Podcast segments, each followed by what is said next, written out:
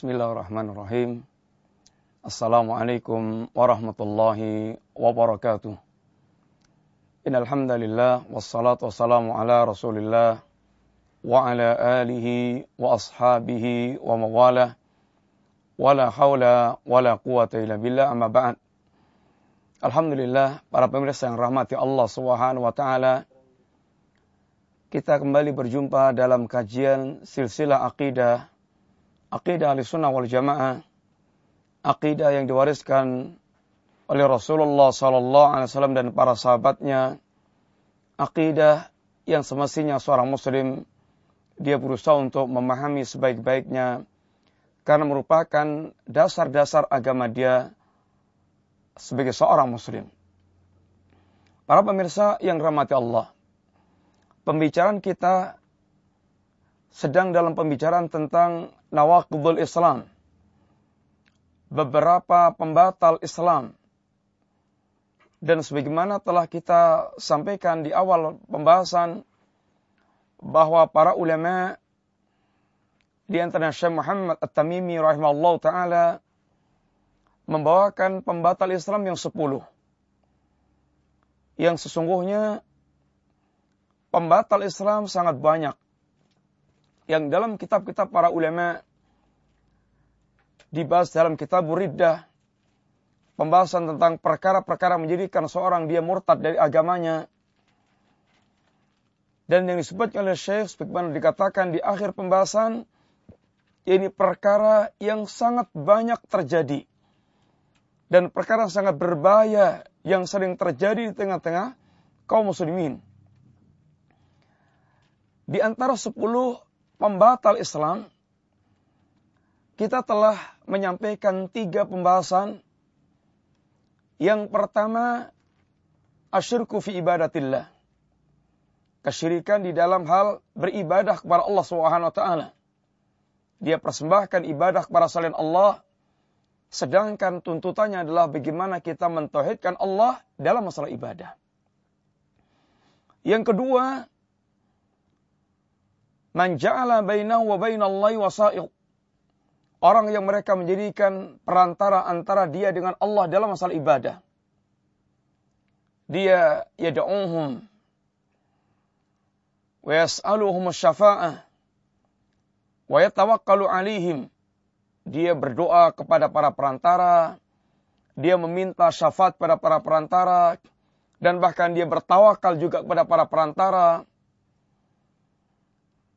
dan ini merupakan perbuatan bagian bersyirkun ibadah akan tapi disendirikan oleh syekh dalam rangka untuk lebih menekankan dan menegaskan satu di antara jenis kesyirikan ibadah yaitu mengangkat wasilah perantara antara dia dengan Allah dalam hal ibadah yang sangat banyak terjadi di tengah-tengah kaum muslimin. Dan ini merupakan hakikat kesyirikan orang-orang musyrik di zaman Rasulullah Sallallahu Alaihi Wasallam. Yang ketiga, malam yukafil muslimin, mal, malam yukafil musyrikin, malam yukafil musyrikin, atau syakka fi kufrihim, atau sahhaha madhabahum, orang yang mereka tidak mengkafirkan orang-orang kafir, orang-orang musyrik atau mereka ragu tentang kekafiran mereka. Atau bahkan mereka membenarkan madhab kekafiran dan kesyirikan mereka. Tidak mengkafirkan apa yang Allah kafirkan. Maka ini tentu adalah penentangan yang sangat nyata terhadap apa yang dikendaki oleh Allah Subhanahu wa taala dan menyelisih keyakinan sangat mendasar tentang kafirnya orang kafir. Dan penyakit ini mulai banyak melanda di tengah-tengah kaum muslimin, khususnya orang-orang yang mereka telah terkena berbagai macam syubhat dari orang-orang yang rusak pemikirannya dari kalangan al-bidah yang mereka seakan-akan tidak bisa lagi bisa membedakan antara kafir dan muslim, iman dan kufur. Dan telah kita bahas sekilas tiga poin pembahasan di atas. Dan sekarang kita masuk pada pembahasan yang keempat. man i'taqada anna hadiya ghairin nabi sallallahu alaihi wasallam akmal min hadihi. Wa anna hukma ghairihi ahsan min hukmihi. Kalladhi yufaddilu hukma tawaghid Pembatal Islam yang keempat adalah orang yang mereka berkeyakinan, barang siapa berkeyakinan bahwa petunjuk selain petunjuk Rasulullah lebih sempurna. Dan hukum selain hukum Rasulullah lebih baik dibandingkan dengan hukum Rasulullah sallallahu alaihi wasallam. Seperti orang-orang yang mereka lebih mengutamakan hukum-hukum tauhid dibandingkan dengan hukum-hukum Allah Subhanahu wa taala. Para pemirsa yang dirahmati Allah Subhanahu wa taala. Kenapa perkara ini menjadi pembatal Islam? Keyakinan bahwasanya ada petunjuk yang lebih sempurna dibandingkan petunjuk Nabi. Dan ada hukum yang lebih baik dibandingkan hukum Allah Subhanahu wa taala, hukum Rasulullah sallallahu Seorang muslim berakidah la ilaha illallah. Dan kalimat la ilaha illallah menuntut untuk diwujudkannya ibadah totalitas kepada Allah Subhanahu wa taala. Dan satu di antara bentuk ibadah adalah bertahkim dengan syariat Allah Subhanahu wa taala. Sebagaimana syahadat kita asyhadu an la ilaha illallah dan syahadat kita wa asyhadu anna Muhammad Rasulullah syahadat asyhadu an la ilaha illallah maka menegaskan bahwa semua sesembahan selain Allah adalah sembahan yang batil. Sehingga hanya Allah Subhanahu wa taala yang layak disembah dan tidak ada sembahan selain Allah Subhanahu wa taala. Tidak ada sembahan yang sebenarnya selain Allah Subhanahu wa taala. Dan syahadat Muhammad Rasulullah bahwa satu-satunya syariat yang boleh dijalankan dalam rangka untuk mengabdi kepada Allah Subhanahu wa taala adalah syariat Rasulullah sallallahu alaihi wasallam. Dan Allah Subhanahu wa taala telah menerangkan dengan sejelas-jelasnya dan hendaknya menjadi sebuah keyakinan yang tersimpul di hati seorang mukmin yang bertauhid. Bahwasanya Allah telah menurunkan agama ini dalam bentuk itu dinul Islam. Inna dina indallail Islam. Wa may yabtaghi ghairal islami dina fala yuqbala min ahadihim fala yuqbala barang siapa yang beragama dengan selain Islam fala yuqbala minhu wa huwa fil akhirati minal khasirin dan dia di akhirat akan termasuk orang rugi. Allah tegaskan agama Allah adalah Islam. Inna dina indalal Islam. Dan Allah tidak akan pernah menerima agama kecuali orang mereka menjadikan Islam sebagai agama mereka. Wa may yabtaghi ghairal islami dina fala yuqbala minhu wa huwa fil akhirati minal khasirin. Dan Allah Subhanahu wa taala telah menegaskan bahwa agama Allah adalah agama yang sempurna. Agama yang sempurna. Sebagaimana Allah tegaskan, Al-yawma akmaltu lakum dinakum. Wa athmamtu alaikum ni'mati. Wa raditu lakum al-islam madina. Pada hari ini, telah aku sempurnakan bagi kalian agama kalian. Dan aku cukupkan nikmatku atas kalian. Dan aku ridha Islam menjadi agama kalian. Dan kesempurnaan Islam menjadikan seorang muslim telah mendapatkan karunia besar dari Allah Subhanahu wa taala yang kelazimannya ketika dia telah mendapatkan nikmat Islam yang sempurna dan diyakini sempurna yang datangnya dari Allah Subhanahu wa taala maka dia tidak lagi membutuhkan syariat yang lain dari selain syariat agama Allah Subhanahu wa taala. Sehingga Al-Imam Malik rahimahullah taala mengatakan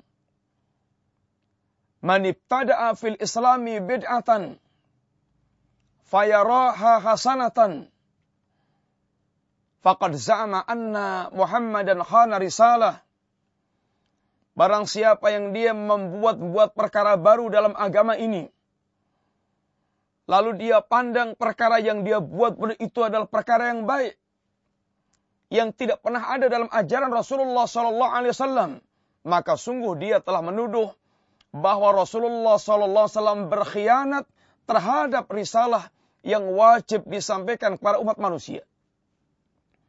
Karena Allah telah mengatakan sempurna dan ternyata dia sempurnakan dengan bid'ah yang diada-adakan berarti Rasulullah berkhianat dengan penyampaian risalah. Para pemirsa yang dirahmati Allah Subhanahu wa taala. Dan Allah Subhanahu wa taala telah menegaskan bahwa hukum Allah yang terkandung di dalam dinul Islam yang Allah turunkan ini adalah hukum terbaik. Bahkan barang siapa yang mereka ada keraguan tentang kesempurnaan hukum Allah Subhanahu wa taala, tentang kesempurnaan hukum Islam. Allah tantang mereka. Wa man ahsanu minallahi hukman liqaumi yuqinun. Apakah memang ada hukum yang lebih baik dibandingkan hukum Allah Subhanahu wa taala? Apakah memang ada hukum yang lebih baik dibandingkan hukum Allah Subhanahu wa taala? Maka wahai orang yang sombong, wahai orang yang angkuh, Wahai orang hatinya dipenuhi dengan kemunafikan dan kekufuran. Cobalah sambut tantangan Allah Subhanahu wa taala. Buatlah muqaranah, buatlah perbandingan antara hukum Allah dan yang lainnya. Lalu nilailah dengan akal yang jernih, hati yang jernih. Mana yang lebih baik antara hukum Allah dan hukum selain Allah Subhanahu wa taala? Para pemirsa yang rahmati Allah Subhanahu wa taala, ini dasar-dasar yang disebutkan Allah tentang agama Allah Subhanahu wa taala. Dan seorang yang mereka telah mengikatkan diri dengan keimanan dengan syahadat yang diucapkan asyhadu an la ilaha illallah wa asyhadu anna Muhammad Rasulullah maka dia memiliki kewajiban untuk bertahkim dia memiliki kewajiban untuk berhukum dengan hukum Allah Subhanahu wa taala dan sifat seorang mukmin berkaitan dengan segala seruan Allah sami'na wa ta'na. Innama kana qawlal mu'minina idza du'u ila Allah wa rasulih liyahkuma bainahum ay yaqulu sami'na wa ta'na. Dan tidak ada ucapan seorang mukmin apabila mereka disuruh oleh Allah dan Rasulnya untuk menerapkan hukum yang Allah ajarkan. Maka ucapannya hanya satu, sami'na wa ta'na. Ini ciri seorang mukmin. Sehingga Allah Subhanahu wa taala sungguh sangat heran kepada orang-orang yang mereka menyangka dirinya mukmin. Akan tapi ternyata di hatinya memiliki keinginan untuk bertahkim, untuk dia berhukum kepada hukum selain Allah Subhanahu wa taala, kepada hukum tawagid. Alam tara ila alladziina yas'umuna annahum amanu bima unzila ilaika wa unsila min qablik yuriduna ayatahakamu ila taghut wa qad umiru ayakfuru bih Apakah Anda tidak perhatikan tentang orang yang mereka menyangka dirinya itu dia beriman kepada Al-Quran dan kitab sebelum Al-Quran? Dia sangka, dia klaim dirinya telah mengimani Quran dan kitab sebelumnya. Tapi aneh, di mana keanehannya? Seharusnya kalau dia hatinya betul-betul mengimani Quran, itu dia akan tunduk dengan Quran. Dan dia akan menjunjung tinggi Al-Quranul Kirim. Akan tapi ini enggak. Dia bahkan yuriduna ayataha kamu ila tohut. Dia justru ingin berhukum dengan hukum tohut. Hukum yang bertentangan dengan Islam. Hukum yang tidak pernah ada dalam Islam. Padahal Allah Subhanahu wa taala memerintahkan untuk mengingkari hukum tauhid. Para pemirsa yang dirahmati Allah Subhanahu wa taala. Allah Subhanahu wa taala pun bersumpah bahwa orang-orang seperti ini sungguhnya bukan mukminin. Kata Allah, "Fala warabik Fala Fala warabbika Demi Allah kata Allah. Allah bersumpah dengan keagungan Allah. Allah bersumpah dengan rububiyah Allah. Yang menurunkan Alkitab dengan sempurna. Yang mengetahui segala permasalahan kehidupan umat manusia. Yang mengetahui tentang masalah dan mafasid bagi makhluknya. Apa yang akan menjadikan baiknya atau rusaknya umat manusia.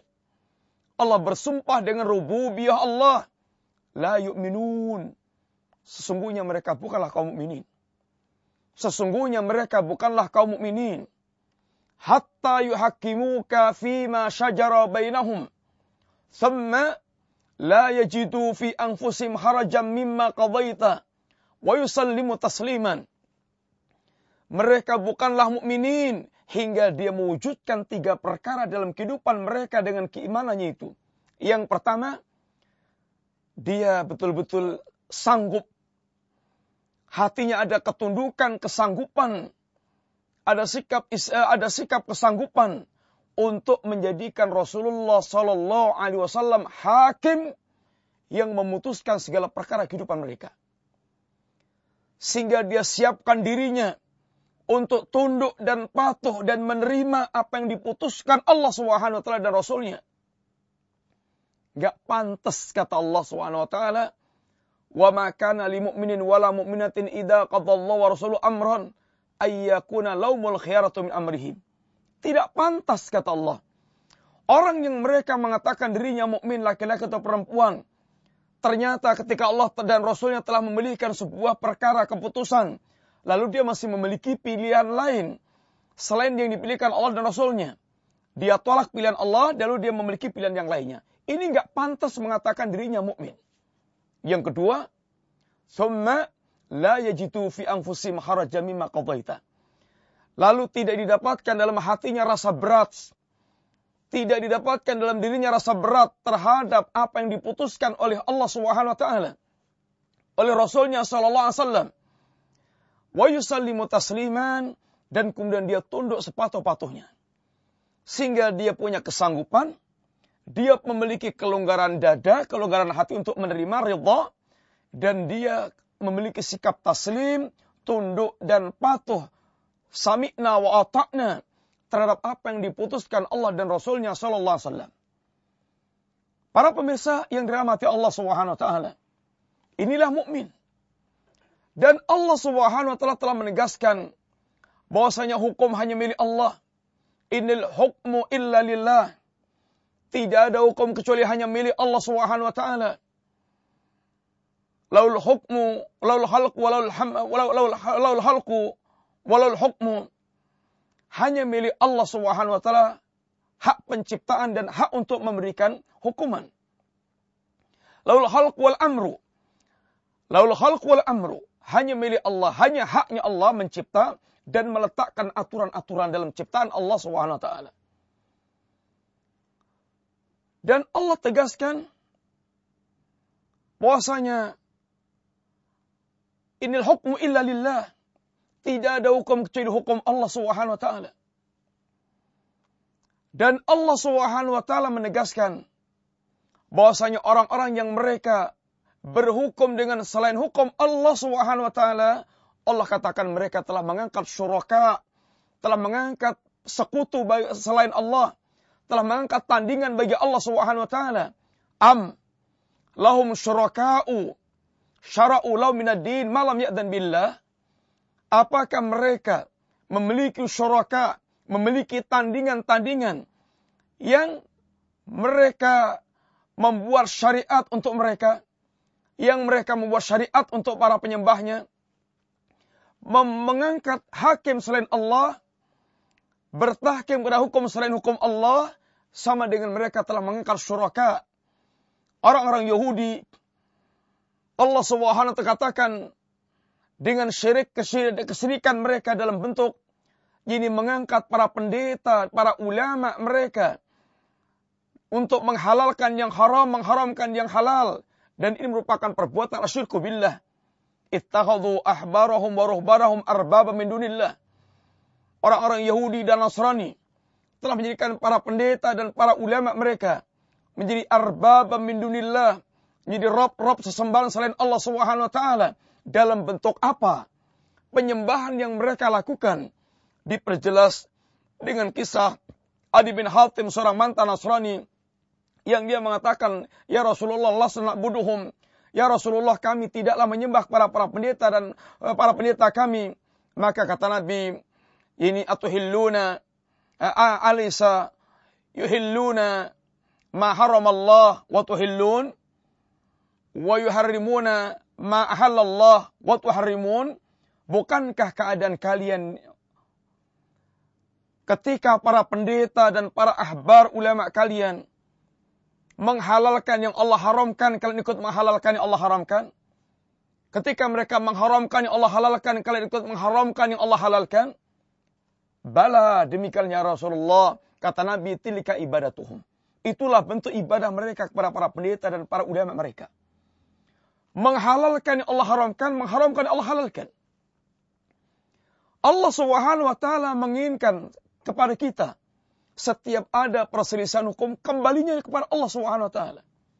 Fa in tanasatum fi syai'in ila Allah, eh, fa in tanasatum syai'in farudduhu ila Allah wa rasulih.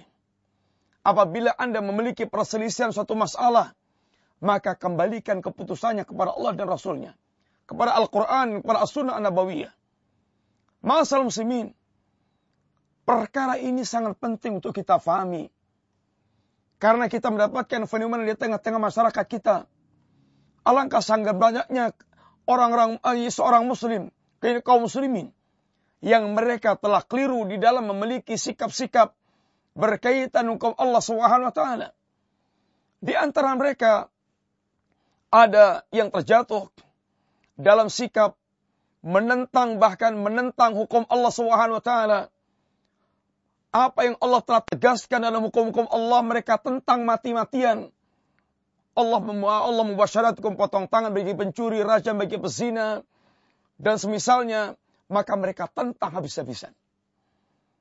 Mereka seakan-akan ingin tampil seperti Fir'aun dan kawan-kawannya. Wajahadu biha. Mereka menentang apa yang datang dari Allah Subhanahu wa taala. Kemudian yang kedua, di antara mereka pula ada yang istihlal. Menghalalkan, ya meng, menghalalkan berhukum dengan hukum selain Allah yang tidak pernah disyaratkan oleh Allah SWT. Di antara mereka pula, ada yang menyamakan antara hukum Allah dan hukum selain Allah SWT. Padahal Allah Al-Khaliq dan manusia al dan manusia makhluk. Bagaimana mereka menyamakan Al-Khaliq dan makhluk. Di antara mereka bahkan ada yang mengutamakan selain hukum Allah dibandingkan hukum Allah Subhanahu wa taala. Sehingga dianggap hukum yang paling ideal adalah hukum selain hukum Allah. Dan di antara mereka pula ada orang yang mereka menganggap bahwasanya hukum-hukum tauhid itulah hukum Allah Subhanahu wa taala. Sungguh ini fenomena yang sangat menyedihkan yang banyak tidak difahami oleh kaum muslimin yang seharusnya bagaimana setiap muslim faham tentang akidah mereka wajibnya bertahkim dengan hukum Allah Subhanahu wa taala. Inilah singkat penjelasan pembatal Islam yang keempat yang mudah-mudahan Allah Subhanahu wa taala memberikan kepada kita taufik, kefahaman agama dan taufik amal sehingga kita menjadi hamba Allah yang lurus istiqamah hingga kita kembali kepada Allah dalam keadaan husnul khatimah di atas as-sirat al-mustaqim dan dipanggil Allah dengan panggilan indah ya ayat Tuhan nafsul mutmainnah irji'i ila rabbika radiyatan mardiyah fadkhuli fi ibadi wadkhuli jannati wa sallallahu ala nabiyyina Muhammadin wa ala alihi wa sahbihi wasallam assalamualaikum warahmatullahi wabarakatuh